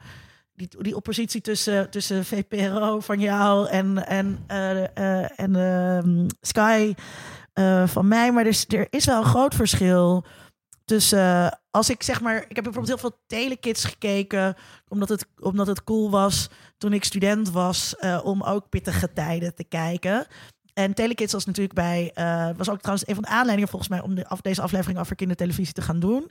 Ehm, wat heel veel twintigers zijn heel nostalgisch over Carlo en Irene en al die dingen. En daar, wat daar uitspreekt, is een enorm plezier van Carlo en Irene om mee te gaan in die wereld van kinderen. En om lekker gek te doen met die kinderen. En helemaal een studio vol met gillende, leuke blablabla. En dat is natuurlijk helemaal niet anders dan wat de film van Ome Willem was toen ik eh, klein was. Of de Renje Rot Show. Eh, Ach. dus ik denk, Martin Brosius. Ja. ik denk dat die tegenstelling, dat we die ook te groot maken nu. Tussen, tussen die verschillende eh, dingen. En als je dan kijkt, dus wat kinderen kijken, nou ja, dan, dan vinden ze dat leuk. Ehm, maar als je, als je blijft zitten, zeg maar, in die, in die VPRO-ITVA-hoek, dan, dan kom je dus al heel snel uit bij programma's die inderdaad ouders leuk vinden of, of, of goedkeuren of zo. Terwijl voor heel veel, ehm, heel veel ouders zijn natuurlijk, maar mijn ouders waren er echt niet mee bezig wat ik, wat ik verder keek. We mochten niet naar de VPRO kijken, maar mijn moeder ging ook niet aan mij vragen, goh, wat vind je nou eigenlijk leuk op televisie of co-viewing strategies, wat je nu wel eens hoort of beeldschermtijd beperken. Dat was er, dat was er niet. Nee, die televisie, die televisie mocht aan en dan konden zij uitslapen. en, en dat was dat. Toch, toch denk ik ook dat er nu luisteraars zijn van een jaar of tien. En die zeggen, ja, moet je luisteren. ik luister alleen maar podcast. En ik kijk gewoon dingen online. Ik kijk helemaal geen televisie. Ja. Als je nu Stop kijkt... direct met luisteren naar deze podcast. Dat, ehm, kinder, kindermedia, als je het wat breder zou Ja, trekken. ja, wat je nu eh, ziet. Ik heb, eh, wij hebben eens een keer een praatje mogen houden. Weet je dat nog? Voor de NTR over... waar ik- Kindermedia? over, kindermedia. Nou ja, Ja, over, ontwikkelingen. Of, of, makers van kindertelevisie iets moesten met vloggen. Ja. Of die allemaal moesten gaan vloggen. We worden net eh, bij, eh, ehm, voor en achter het interview eh, Kinderen voor Kinderen. En eh, ik volg Bram de Wijs. Hij is eh, vlogger en werkt bij Kinderen voor Kinderen. Dus daar maakt hij ook vlogs over. Maar hij maakt ook vlogs over zijn eigen leven. En dat loopt dan zo mooi in elkaar over. ik Daar ging de dag een beetje over. Ja, en wij hadden toch wel een beetje als strekking van ja, je moet niet als, als, als maker opeens gaan vloggen op televisie. Dat weet je wel, je bent er niet zo goed in. Maar ik wil even die stap maken naar waar 8, 9, 10, 12-jarigen. Jij, jij hebt kinderen van die leeftijd gehad, wel een tijdje geleden. Eh, Ze zouden vrij verrast zijn nu geïdentificeerd te worden Ja, sorry, Sascha. 8, 19, Sorry. 12 jaar. nee, Oké, maar ja. toen, ehm, Ja, toen, Hoe ja. had jij daar zicht op op hun mediagebruik? Jezus, dat, sorry. Dat is Eh, alweer was- een paar weken geleden, weet ik. Maar Het is even geleden, ja. Ehm, had je daar zicht op? Nou ja, ehm, we hadden één, één tv. En eh, eh, ja, zijn alle vier, dus Pieter en ik en Sascha nou, alle vier van de, van de gezelligheid. Dus wij vonden het ook nooit zo naar om, eh, om samen te kijken. Dat was geen co-viewing strategy. dat is gewoon wel gezellig. Eh, en maar Pieter en ik waren het enorm over oneens hoeveel tv een kind mag kijken. Ik denk dat een kind op een gegeven moment zelf wel genoeg vindt en ermee ophoudt. Ja, En eh, Pieter is van mening dat je een kind op een gegeven moment achter een tv vandaan moet drukken om even een potje te voetballen of iets dergelijks. Waar hij dan zelf ook altijd zin in had. Dus dat, ja, dus Ja, had dat- hij zeker voordeel bij deze. Dat vind ik dan wel weer sympathiek dat je niet zegt... jij moet zin hebben en voetbal gaan naar buiten. Dan kan ik ook iets Het kijken. is denk ik ook wel belangrijk dat, dat ehm, ja, kindertelevisie verschilt heel erg veel van elkaar. En kinderen Absoluut. vinden al snel iets kinderachtig. Daar zijn kinderen, en dat gaat super rap. Dus je hebt echt televisie voor de allerkleinste tik-tak. Eh, waar echt niks gebeurt. Dat is echt niet leuk voor ouders. Dat is een briljante televisie overigens. Ja, maar Eh, is Als je een- heel stoned bent. Maar Zeker, voor de rest, dat, dat wilde ik er niet bij zeggen. eh, maar, eh, en, dan, en dan heb je, eh, denk ik, dus het gaat echt van 0 tot 3, denk ik. Van 3 tot 6 misschien. Van 6 tot 9. Nou, en dan heb je, dan is iets wat voor, voor 10-jarigen nog leuk is, is voor 12-jarigen echt al eh, niet meer te doen. Ehm, dus ik denk eh, dat, dat, dat dat veel belangrijker eigenlijk is dan zo onderscheid tussen omroepen of onderscheid tussen genres misschien. Maar denk je wel. niet nu, nu die generatie, de huidige 8, 10, 12 Ja, jaar. en, dat is, en dan moet je dus vragen, Die- waar, die- die wat worden- kijken die? Ja, die, die, dan weten we van dat ze veel minder eh, naar lineaire eh, televisie kijken. Dat dat heel vanzelfsprekend is om dat allemaal on demand en op alle platformen die daar zijn te doen. Wat, wat, wat, wat raken we daarmee kwijt? Wat, ja. dat is voor ouders een probleem, omdat eh, heel veel eh, van de, eh, de dag gestructureerd is, gestructureerd Hmm. was rondom televisie. Dus we hebben eindeloos die discussie gehad over wat als de Fabeltjeskrant op een later tijdstip uitgezonden wordt. Want je moet na de Fabeltjeskrant naar bed, omdat ouders ooit zelf naar bed moesten na de Fabeltjeskrant. Eh, dus dat, dat heeft dat teweeggebracht. Voor de rest natuurlijk weinig. Voor die kinderen, ja, kinderen willen gewoon leuke dingen kijken. En of je dat nou op eh, een iPad kijkt of op een eh, groot scherm in de huiskamer met je moeder ernaast. Ze willen gewoon die leuke dingen zien. En heel veel kinderen willen iets 86 keer zien. Dus die willen 86 keer Pippa Pip zien. En, eh, en dat is misschien voor ouders één keer leuk. Maar ik hoor wel van mensen met kinderen dat ze helemaal gek worden van die liedjes. van het varkentje. Ja. Van dat varkentje. Kijk, dit voor Linda en mij natuurlijk een vrij theoretische exercitie. Maar Ik heb een vriendinnetje van vier Ja. en die kijkt graag Pep. Die is nu over op eh, Ladybug, heet het geloof ik. Dat is meer, eh deed mij denken aan weer To- volwassen? Totally Spice eigenlijk, deed mij aan denken. Eh, maar de, nou ja, de- het is natuurlijk, eh Peppa Pig is waanzinnig moralistisch. Dat is vooral wat er niet aan te vatten is, dat je dat als kind zo bevredigend vindt. Je doet het goed of je doet het fout. Als je het fout doet, moet je het goed gaan doen. Dan ben je braaf. En dat is het einde van het verhaal. Ja, daar ik, ik, had dat veel later als kind dat mijn vader ermee op wees dat elke aflevering van die E-team hetzelfde was. Ja, zeg, we En gaan toen heeft hij wel echt het plezier afvallen? voor mij gewoon. Houd echt, echt, echt, echt. Ik weet nog dat er bij ons op school een politieagent kwam. I love it when a plan comes together. Dat kan je En toch die- niet... Maar die Ooit politie, en die politieagent. Ja, prachtig. die politie, het was dus een politieagent. Dit vergeet ik echt, nou, ik meen, het is zo vormend voor mij geweest. Die, die, ging, die had dus een keer iemand neergeschoten. En hij was er dus om uit te leggen dat wat je ziet op televisie als ze schieten naar iemand en dus makkelijk doorlopen, dat dat dan helemaal niet zo is. En dat het heel erg is voor een politieagent als hij iemand neerschiet. En eh, in de E-team sterft nooit iemand. Die politieagent kwam daar vertellen dat hij iemand had neergeschoten. Hij kwam vertellen dat hij dus. En, en hij kwam vertellen eigenlijk over zijn Waar trauma. ben je precies opgegroeid? In Zeist, op een keurige Ja, katholieke basisschool. Had En dat ik nou gezegd? En ik, maar dit, dit was in groep 7. En het was echt niet raar dat te die agent. Dat is toch gek? Dat is heel raar. Dat ja. die agent ons kwam vertellen over zijn trauma. Ja, ja. Zullen wij, zou, zouden er- wij de eerste generatie zijn die, die straks gaan zeggen, weet je, vroeger gingen we gewoon nog gezellig, zoals jij vertelde, met de kinderen op de bank televisie kijken. En nu zijn we dat allemaal kwijt. Is die, is die nostalgie naar het oude Maar mijn medium ouders bestaat dat gingen al. dus niet met mij op de bank naar televisie kijken. Oh ja, ik, ik ben wel opgegroeid met de Willem Ruis Lotto Show op zaterdagavond. Oh, met kopjes zo. Ja, maar chocomel niet en zo. naar kindertelevisie kijken. Wacht even, wacht even. Dat was wel, wel, wel oké. Vrije school en de Willem Ruijs Lotto Show. Maar ik, ben- ik moet er mijn in een heel bijstellen. nest, hè. Dat, eh, ja, dat mocht wel. Ja. Waarom? Ja, ik, dat, volgens mij begonnen dat die circus tent ooit in Alkmaar stond, daar waar ik ben opgegroeid. En ik denk dat Mina. eh, er was ook iets met lot. Volgens mij kon je uiteindelijk iets winnen. Was zal dat ergens een goed doel ergens de- achterin bij zijn het geschoven. Maar, maar Vincent, keken Eh, jouw ouders samen in met jou Biafra. naar Eh, kindertelevisie? Dat was eerder, hè? Nou, nee, ja, er wel? staat het. Ik denk wel bij op iets latere leeftijd wel.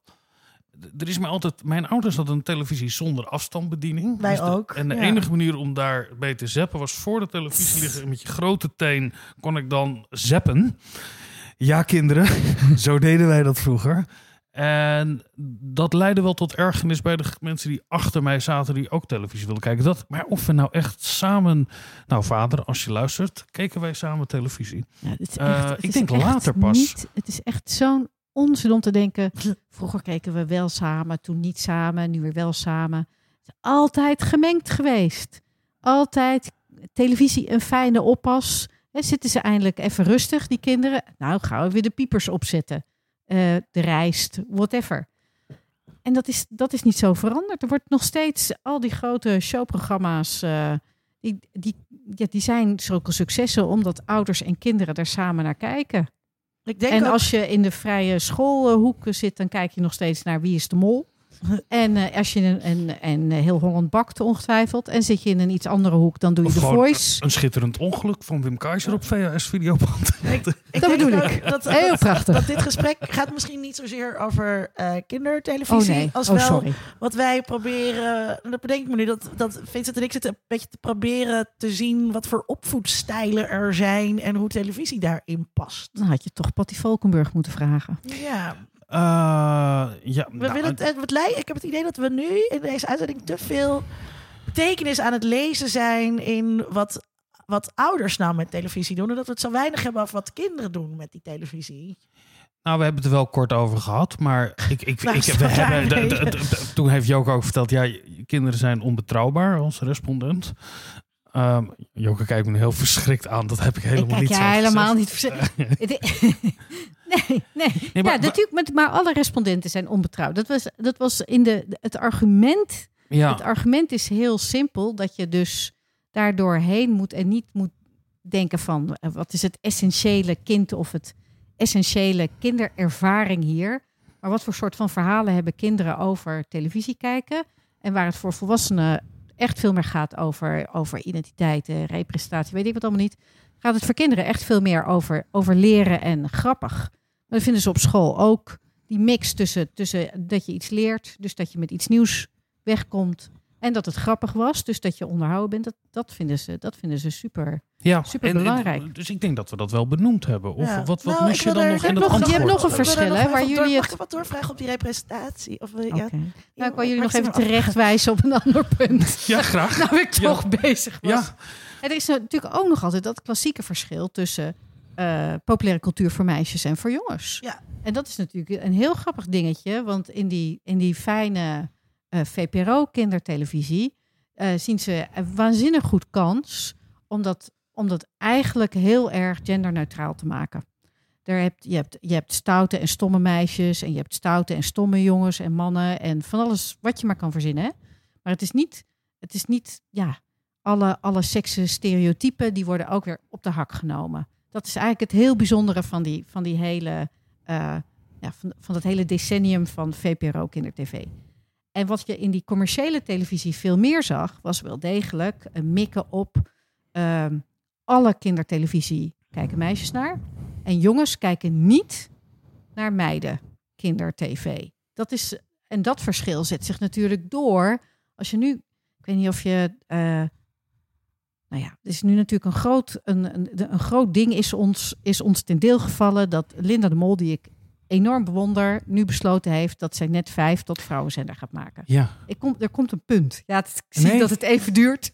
Het, het punt is, is natuurlijk eh, dat ze nu gaan kijken van ja, wat is dan vrouwen-tv? En als je kijkt naar de kijkcijfers, toch interessant. Dan is vrouwen-tv volgens mij die tv waar mannen niet naar kijken. Vrouwen kijken naar alles. Zelfs naar sport. Zelfs naar eindeloos veel mannensport. En die vrouwen blijven gewoon kijken. Die kunnen zich daar toch mee identificeren. Alles wat op RTL 5 is, de mannenzender, daar kijken vrouwen ook naar. Gewelddadige films. D- Dat al helemaal. Ja. Maar, maar ook, gewoon naar, ook gewoon naar dom voetbalcommentaar. Ik kijk er zelf ook met enige regelmaat naar. Dat, andersom, mannen kijken niet naar obese. Mannen kijken niet naar ziekenhuisseries. Mannen kijken niet, eh, correct me if I'm wrong, maar Grey's Anatomy, kennelijk, kijken mannen niet naar. Nou, dat is Mhm. prachtige tv. Ja, jij wel, hè? Ik, heb, Ja, ik, ik keek er allemaal wel eh, naar. eh, eh, ook obese en dat soort programma's. Maar ik, ik zit er echt heel hard over na te denken. Wat, wat dan de... Dus dat is maar- interessant. maar misschien of heb ik die een- ja. kindertv, waar wij vroeger... Hoe? Waar, jullie, waar ik naar keek, waar jullie naar keken, verschillende, in, allemaal in verschillende golven. Hè, hebben die ons klaargestoomd voor het wel of niet kijken naar andere televisie nu? Dat zijn eigenlijk ontzettend leuke, spannende vragen. In het verlengde van jullie nostalgische Ja. Bespiegelingen. Nou ja, ik, ik wou dus, want Ja. ik wou net, eh, toen ik je onderbrak, wou ik dus vraag inderdaad naar representatie. Oh ja, ja. En naar inderdaad, naar, maar dus ik wou dus exact de vraag stellen wat jouw tweede punt was. Ehm, hoe, belangrijk het, hoe belangrijk het is dat je eh, als opgroeiend meisje ook meisjes in stoere rollen eh, ziet. Ehm, dat, dus dat, dat was eigenlijk mijn vraag aan jou, dus daar wou ik eigenlijk niet mijn eigen mening over geven. Eh, Het en- klinkt een en- beetje door. en een, twee, en een tweede punt wat daaraan natuurlijk interessant is, eh, eh, is wat je zegt over. want dat was toen natuurlijk. Toen werd dat een beetje ingezet en dat is veel, veel meer geworden. Dat het speelgoed van nu is veel meer gesegregeerd dan, eh, dan dat het was eh, toen wij opgroeiden. Dus toen had je gewoon Lego. Nu heb je aparte Lego voor meisjes. Ah, zo ja. ja. Ehm, En ehm, eh, de speelgoedwinkel is echt in tweeën gedeeld, terwijl dat vroeger veel minder was. En televisie speelt daarop in, Ehm, want je moet de reclames kunnen vertonen voor de juiste programma's. En dat is natuurlijk ook de reden waarom Linda de Mol een vrouwenzender gaat maken. Niet omdat zij eh, inhoudelijk daar iets van vindt, maar omdat je dan veel beter reclame kunt eh, verkopen. Ehm, en eh, dus dat, dat, dat vind ik een interessant punt. Dat het dus eigenlijk veel meer gaat over die industrie erachter. Die dus heel erg bepaalt wat we zien krijgen. Dan weer terug naar de vraag die ik toch aan jou heb. Joke, denk je dat het uitmaakt? Want ehm, ja, ik heb, ik heb in, in de eeuw van de amateur hebben ze wel eens de discussie gehad over Hielke en Sietse van de Chameleon. Weet je die boeken? Jazeker, en- allemaal gelezen. En ik, eh, ik las dat en eh, ik, had, ik dacht nooit, dit gaat niet over mij. Eh, en dus die hele Nee. discussie die we nu over representatie hebben. En ik vind het heel erg belangrijk dat er vrouwen te zien zijn in populaire cultuur. Ik vind het heel belangrijk dat er mensen van kleur te zien zijn. Dat er LHBT-personages te zien zijn. Maar je kan mij niet vertellen dat een, dat een kind niet met alles kan identificeren. Want een kind kan ook met Pep, Pippa Pik zich identificeren. Voor kinderen maakt dat volgens mij niet zoveel uit. Wat is jouw standpunt in deze, dokter Hermes? Dr. Hermes zegt hierover dat het merkwaardig geval zich voordoet dat we toch eh, jongens op de een of andere manier kans zien te leren dat er bepaalde dingen zijn waar ze echt niet naar moeten kijken. Want dat is echt, ja, dan ben je Dat gewoon een hun. mietje. Nou, niet eens, dat, gaat dat gaat niet over jou, maar dat is, dat is vrij actief fout om dat, om dat leuk te vinden. En natuurlijk heb je allerlei mannen die zich daar godzijdank eh, tegen afzetten. Maar dat, maar dat, oh, ik zie hier ik in het zit- gezicht nee, van ja, een van de interviewers. Nee, dat, verschil, dat verschil is er. Dat is er echt nog steeds. Ik vond het ook heel erg toen mijn heel beste vriend- scheef. Ik, ik weet dat Mijn ik beste vriend kijk, zei maar- toen Ray, eh, de hoofd, toen, toen, toen duidelijk werd dat in de, in de derde trilogie eh, van Star Wars een vrouw de dikke hoofdrol had. Toen zei hij echt, dat vind ik echt jammer, vind ik echt balen. Nu Ja, vind ik het veel ja. minder leuk. En ik zat echt zo, Wat? what the fuck?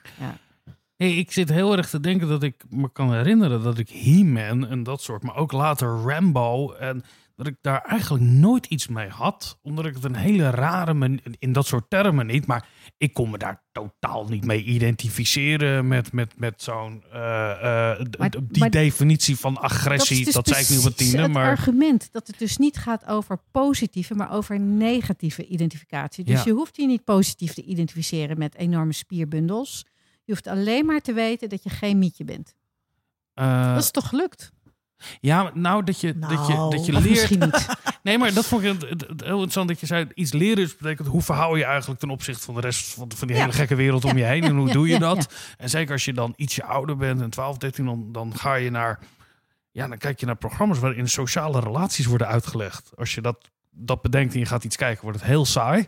Maar eh, ja, dat zie je in, in, in, dat kan ik me nog heel goed herinneren met eh, Heartbreak High en, en dat soort Oh, ietsje ja. later. eh, Ja. En was maar ik toen jij al- klein was en, en, en, je, en je las of je werd voorgelezen uit Pipi Langkous. Met las ik niet, bij de chameleon heb ik wel, ja, maar ik had bij de chameleon ook een, en dat heb ik nog steeds, een lichte afkeer naar het platteland. Eh, Oh. en dat had ik al op hele jonge Gerben, leeftijd. hè? Komt door Gerben, ik ja, wist dat het. ik toch dacht, hartstikke, mediadoctoren bingo kaart. Iemand zegt iets lulligs over de regio. nee, maar dat, hartstikke leuk dat je een boot hebt dat hard kan varen, maar uiteindelijk woon je nog steeds in Friesland. Oh. Dat had ik wel toen ik 8, 9 was. Wat en dat een het, tis naar Botte Jellema. Ja, sorry, eh, Botte. Of sorry. dat, dat, nee, maar daar hoorde ik niet bij. Bij eh, eh, in, in, in een blauwe kiel en, en, en houten schoenen. Ook maar. Nou, hij wilde daar ook weg, dat is Ja, duidelijk. dat, dat, dat, ja, met hey, ik zit, maar dat je zei ook of je nu. ehm, ik heb bijvoorbeeld met die voetbalprogramma's, dat is een, dat kan ik nu benoemen. Dat is een soort een, een bepaald type mannelijkheid. Ja, dat ik fascinerend vind. dood- Maar oerzaai om Voilà. volwassen mannen op verschillende zenders tegelijkertijd de laatste slag bij Verdun te zien bespreken. Maar dat is het helemaal niet. Het blijkt FC Emmen tegen Heracles te zijn. Vind ik, vind ik fascinerend. Ik, ik, ik, ik vind sportjournalistiek Daar een snap ik ook fascinerend. helemaal niks van. Fascinerend. Ik zag laatst naar atletiek te kijken en er was een fantastische commentator die gaf een soort opmaat naar iemand die polstok ging, polstok hoog springen was dat. En nou, het kwam erop neer dat als deze mevrouw niet over dat latje heen zou gaan, weet je wel, dan was de hele leven kapot. Ja, einde verhaal. Nou, en dat lukte niet. Eh, dus prachtig. Echt het narratief vond ik echt. Hey, maar- dan vind ik sport Vincent, heel maar mooi. Vincent, Ja. wat Joke vertelde was... Kindertelevisie. ehm, nee, Alle- dat, ja. dat jongens en mannen... ja. dat vrouwentelevisie is waar jongens en mannen niet naar willen kijken. ja, ik, ik- nee, waarvan oh. ze leren dat ze er niet naar horen te kijken. Want Ja. natuurlijk kijken ze er wel. Ik geloof er namelijk niks van dat ze niet... man mensen in Ja, de studio. zeggen jullie eens wat. Kijk, herkennen jullie dat? Kom even naar de microfoon, eh, Marijn.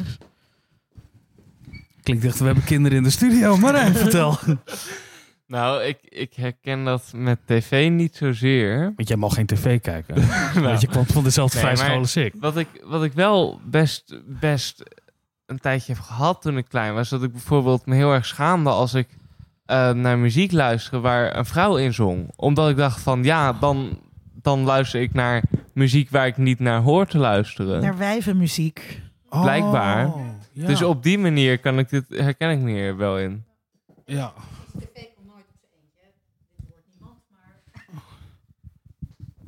Ik ben een grote fan van chick flicks ook. Ik hou, ik hou echt van, van, van films die eh, voor vrouwen zijn gemaakt. Die, die, eh, waarvan je echt duidelijk ziet dat die voor vrouwen zijn gemaakt. Net gewoon echt nadruk op relatie, nadruk, nadruk op gevoel. Wat niet natuurlijk uitsluitend voor vrouwen is. Eh, maar ik kan er echt enorm van genieten, nog steeds, vroeger. En, en dus nog steeds. En dat, dat vind ik wel echt, echt, echt tof. Maar heb je Ja. daar nooit het gevoel dat je daar iets over moest verantwoorden? Of... Nee, Kijk, nee. dat hebben we toch allemaal een fijne, nee. verlichte Kijk, mensen hier. eh, Vincent? wat zeg je? Kijk, hè, chick flicks. Ja, ik weet niet. Ik, ik, dan moet ik echt nadenken wat je allemaal verstaat onder chick flicks. Eh, ik heb Mean Girls en wat dan ook. Ja. Al die heb ik ontzettend veel plezier naar gekeken. Ja. Nou, dat zijn Eh, chick flicks. Ja, maar ik heb me ook nooit echt afgevraagd. Ik weet wel hele mannelijke films. En het- weet je wel, waar je, waar je al snel heel erg verveeld raakt.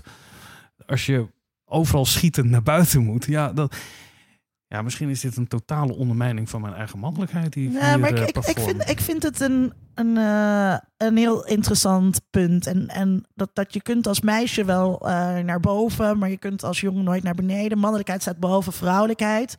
En dat, en dat terugtreden is lastig. En, en wat jij zegt van, ik kijk graag naar chick flicks, is ook een soort, zo, ja, ook een soort hè, guilty pleasure. Dit kan een beetje, of het is nu Ja, nu nu hebben we Dead Air. ik heb gehoord dat dat Ja. helemaal niet, soms helemaal niet erg is in, Oh. de, in de workshop je stem gebruiken op het podcastfestival. Dat bouwt de spanning op, Vincent. We zijn allemaal benieuwd wat zo dan nu... Oh, nu maak ik toch de dead air weer tot leven. De bron van al het kwaad over media en kinderen komt natuurlijk uit Vlaanderen. Prijswinnende televisieseries, films, albums, concerten, liveshows, musicals, twee televisiezenders, merchandise en zelfs pretparken. De omvang van het imperium van mediamagnaat Gert Verhulst is enorm. Zonder enige twijfel is zijn grootste succes Studio 100, een productiehuis dat uitgroeide tot de Disney van de Benelux. Waar Gert Verhulst het gezicht is van Studio 100, heeft hij dit alles niet alleen gedaan. In 1987 begon de toen 19-jarige Verhulst als omroeper bij de BRT. Vandaag de dag beter bekend als de VRT. Tijdens de feestdagen van 1989 werd hij bij het omroepen van de kinderprogrammering vergezeld door een hond, genaamd Samson. Een personage dat ontstond uit een brainstorm-sessie met producent Hans Bourlon en acteur Danny Verbiest. Samson en Gert waren een daverend succes en kregen vanaf najaar 1990 een eigen programma. In de komende jaren werd het succes van Samson en Gert alsmaar groter. Het format en de mogelijkheden ermee ontgroeide de BRT en op 29 maart 1996 richtte Verhulst, Bourlon en Verbiest productiehuis Studio 100 op. Hiermee konden zij zelf het succes van Samson en Gert gaan uitbouwen. Met hits als Mega Mindy, K3, Kabouterplop, Wiki de Viking, Boomba, Maya de Bij, Piet Piraat, Het Huis Anubis en uiteraard Samson en Gert speelt Studio 100 in deze eeuw een bepalende rol in het aanbod van kindertelevisie. Alles draait om het karakter. Ieder product waar het logo van Studio 100 op komt, moet voldoen aan een bepaalde look en feel die horen bij het personage waar de consument fan van is. Dus, door ervoor te zorgen dat alle onderdelen van Studio 100 dezelfde uitstraling hebben, is er een merk ontstaan waar mensen van zijn gaan houden. Hierdoor worden ook nieuwe projecten snel een succes. Natuurlijk is dit echter niet altijd het geval en worden minder succesvolle projecten soms ook stopgezet om het bedrijf financieel gezond te houden. Het heeft geen zin om te zeggen, ja, de show is verlieslatend, maar eh, de plus zal wel eh, winst maken. De, tv financiert zichzelf niet, maar eh, er is wel een show die komt. Dus wij proberen wel echt wel eh, economisch die regels te hanteren. Hoe Studio 100 er in de toekomst uit gaat zien, zal moeten blijken. Maar zeker is dat Gert Verhulst, Hans Bourlan en Danny Verbist met het succes van Studio 100 hun stempel hebben gedrukt op deze generatie.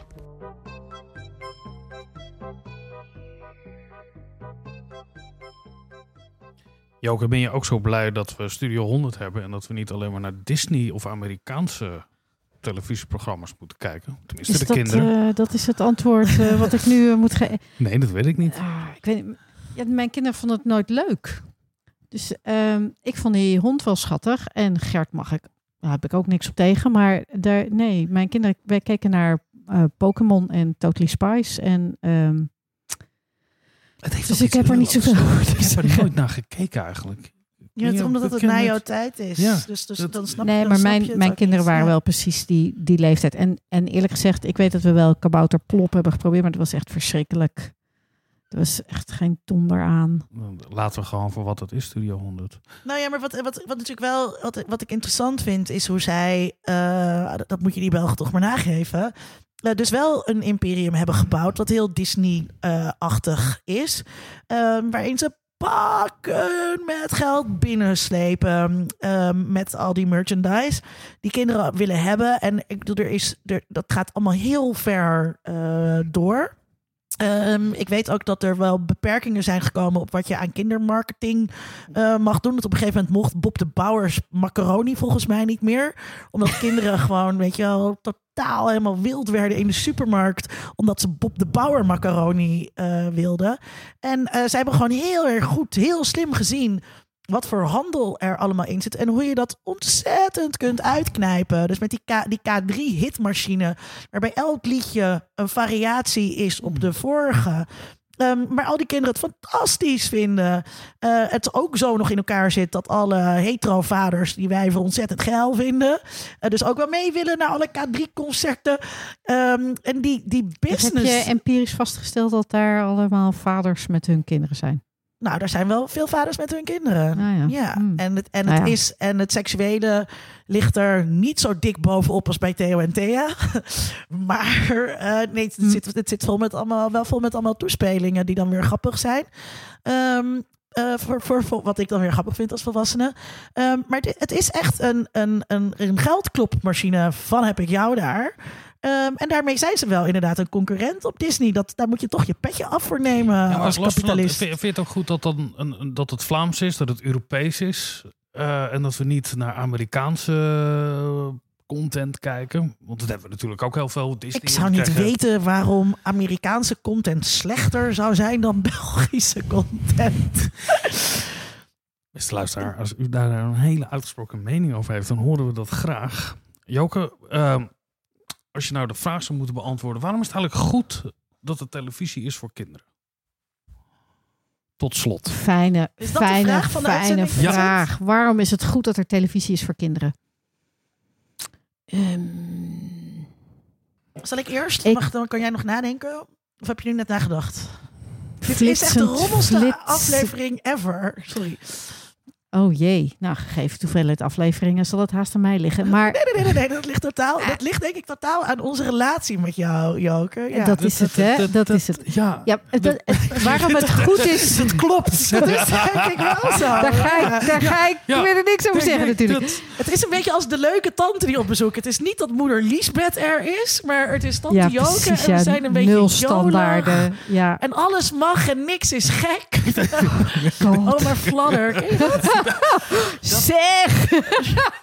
Sorry. Daar ben ik nog niet helemaal. Hè. Dat, kleinkinderen zou ik natuurlijk leuk. Maar nee, nee, nee zie je, ik, oh. Waarom- we eruit. Ja. Precies. Dat is altijd godsdank mogelijk als je maar niet streamt. Ehm, We knippen het er niet. Voice-over. Ze knipten het er niet uit. de tele- waarom het goed is dat er televisie voor kinderen is. Waarom Ja. het. ehm, nou, dat is eigenlijk heel simpel. Het is nog gewoon, ondanks, ondanks alles, is televisie nog steeds gewoon het grote ding voor ons als, eh, als burgertjes. Het is, het is ehm, ehm, maar kijk, ik noem alles televisie. Netflix, eh, Prime, whatever. alle, alle on-demand, achteruit, vooruit, Maar ook terzijde vloggers. kijken. Van, nou ja, voor, voor kinderen is het heel raar om YouTube geen televisie eh, te noemen. Dus, dus al die YouTubers, eh, of het heet geloof ik nu ook influencer, dat weet ik niet helemaal zeker. Hè? Pin me hier niet op vast. Maar alle YouTubers en influencers waar ze naar kijken, zijn allemaal, het zijn allemaal vormen van televisie. En, en ze helpen eigenlijk allemaal bij nadenken over, over wie je bent en wat je met de wereld moet. En het, en het enige wat er eigenlijk echt toe doet, is dat op al die platformen dat er zoveel mogelijk verschillende tv blijft. Inclusief van die, van die heel hoogwaardige documentaires en van die heel platte inhoud. Want het, dat maakt dat we het ergens over kunnen hebben eh, waar heel erg weinig drempels in zitten. En, en eigenlijk zeker nu bijna geen vooroordelen meer over zijn. Dat is natuurlijk prachtig aan tv. Linda. Ik eh, vind het goed dat. of waarom het er is. Eh, dat, dat weet ik niet. Ik vind het goed dat het er is. Omdat het is misschien wel de. de alle, het misschien wel de eerste, eerste duidelijke nichevorming van televisie. Eh, eerst werd er vooral gebroadcast op de, op de allergrootste gemene deler. En toen werd er een afsplitsing gemaakt eh, naar, specifiekere, naar specifiekere doelgroep, namelijk op leeftijden. En wat we nu zien met streamingdiensten, nu er minder schaarste, eh, nu steeds minder schaarste is, dat veel meer extreme niches eh, bediend gaan worden. Denk bijvoorbeeld aan eh, wat, wat Netflix bijvoorbeeld doet in, in een heel diverse programmering maken, waar mensen als ik dan heel erg kijken naar al die series waar in één keer allemaal transpersonages in zitten, terwijl heel veel andere mensen die zien dat nooit voorbij komen op hun Netflix. En dus dat, dat is denk ik begonnen met die kindertelevisie. Ehm, en eh, dus een, een, een vergaande fragmentatie eh, eh, van het medialandschap. Waar, gek genoeg, mensen elkaar toch weer in weten te vinden. En toch gemeenschappelijke factoren weten uit te halen. En dat zal altijd blijven. Dus er zal altijd voor iemand gooit op de grond en kijkt heel schuldig, maar dat hoor je helemaal niet, Marijn. Dat is echt te ver van de microfoon. Eh, waarin er dus, dus de generatie die opgroeit, die zal altijd iets gemeenschappelijks vinden. eh, waar ze dan straks met z'n allen op terugkijken. En eh, met, hun, met hun leeftijdsgenoten en ouder worden. En nostalgisch over worden. En zeggen: Oh, was jij ook zo bang voor carbonkel? Ehm, die wou er nog even in fietsen. Groetjes aan Volkert. Ehm, eh, en dat is, dat, is, dat, is, dat is heel mooi. Om, dat, en want dat laat zien hoe televisie eh, ons uiteindelijk bindt. En jij en ik zijn ook niet zo verschillend, Vincent. Wat zeg je nou? Jij Wat? en ik zijn ook niet zo verschillend. Nee, zeker niet. Ik denk dat zeker voor mensen uit andere kringen wij heel erg hetzelfde zijn. Nee, ik zit te denken, televisie is als je jong bent, dan maak de intense ervaringen die ik heb gehad met televisie kijken, als je acht of tien of wat dan ook bent op die leeftijd, zonder de kennis of die openheid, die bla die bla. Ja, dat, je? nou, ik heb hele in- intense beleving gehad met het kijken naar televisie op die leeftijd. Eh, ik denk dat dat later heb je dat op een andere manier. Maar echt die verwondering die je dan kan hebben van dingen die je voor het eerst ziet, die je voor het eerst gaat beleven. Je kan het voor het eerst vliegen of andere mensen leren kennen of plekken komen waar je nog nooit bent geweest. Dat idee. Las jij geen boeken? Eh, nou, dat je het ook, maar dat je. Nou, dat is allemaal kindermedia. Eh, maar dat je dat echt kon zien en dat beleven. Dat, ja, dat Had je dat? Ja, dat, ik Oh, had daar wel ik toch een- echt een- iets gemist eh, dat ik die VPRO TV niet nog kijken. Want dat, dat is niet mijn kindertelevisieherinnering. Punky Brewster kan ik me ineens herinneren. Oh ja, dat was cool hè? Ja, en die, en die woonde dan in New York. En, dat was een, en, en daar dan had je dus een, een, een plek waar kinderen woonden. Ja. Waar je niet voor de deur je auto kon parkeren. Ik vroeg me echt dan af, hoe, Hoe kan, dat? kan hoe dat? kan dat? Mijn god. En die Ja. hadden geen tuintje voor. Laat staan een tuintje achter, zoals ik. Dus dat zijn de eerste ervaringen die je opdoet. Dat er misschien een grotere, een andere wereld andere is dan dat je ja, dat eh, zelf zit. Ja, dat, dat, ik, ik, ik las dus wel heel veel boeken. dus dat, dat, dat, dat ik daar wel uit. Ja, maar, dat was geschreven. Dan hoeft het nog ja. niet waar te zijn. Want Ja, op dus televisie zie je dat het echt is. het meer is. je fantasie. En inderdaad, in die series, dan, dan, dan zie je dat... ehm, ja, de populaire cultuur als, als, als venster op je wereld. Beste luisteraar, we hebben het over veel gehad. Waaronder over kindertelevisie. En dat deden wij in aflevering 95 van de podcast Onder Mediadoktoren. Uh, ben je student en wil je bij ons team komen en wil je een beetje orde brengen in deze chaos? Ehm, ga dan naar de website ondermediadoktoren.nl. Uh, bijvoorbeeld als je heel goed bent in uh, social media, want daar zijn we nog naar op zoek, of techniek of andere talenten. Meld je aan, maar doe het snel. Voor 1 november 1 november. Um, 2019, mocht wil je dit je nou- luisteren in 2023. geen vrijwilliger worden. Bijvoorbeeld omdat je al een baan hebt en eigenlijk helemaal geen tijd hebt en de hele tijd aan het werken bent, dus geen vrijwilliger kan worden. Dan kan je ons ook gewoon geld geven. Uh, dat kan via Patreon, zoals uh, Matthijs van Listonk dat heeft gedaan. En Joke, wat zeg je? Wees als Matthijs, hè? Wees als Matthijs. Wees als Matthijs. Wij danken Joke voor nog veel Super meer dan alleen er hier aanwezig zijn. Hè? Voor uh, Joke voor alles in het leven. Kom je nog een keer terug, Joke? Goed dan, dan kom ik nog een keer terug. Yes. Um, en ik wil graag Sona Arslan en Marijn Joop en Frederik Tuilers en Linda Duits bedanken. En jij ook bedankt. Dankjewel. Vincent Kronen. Hier staat, mijn naam is Vincent Kronen. en over twee weken gaan we het ook over een heel interessant onderwerp hebben. Dan gaan we het hebben over terroristen en alle media die zij maken. Zin in, tot dan.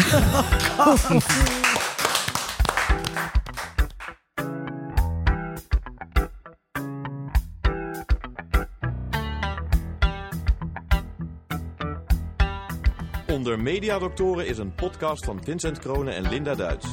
Meer informatie vindt u op ondermediadoktoren.nl.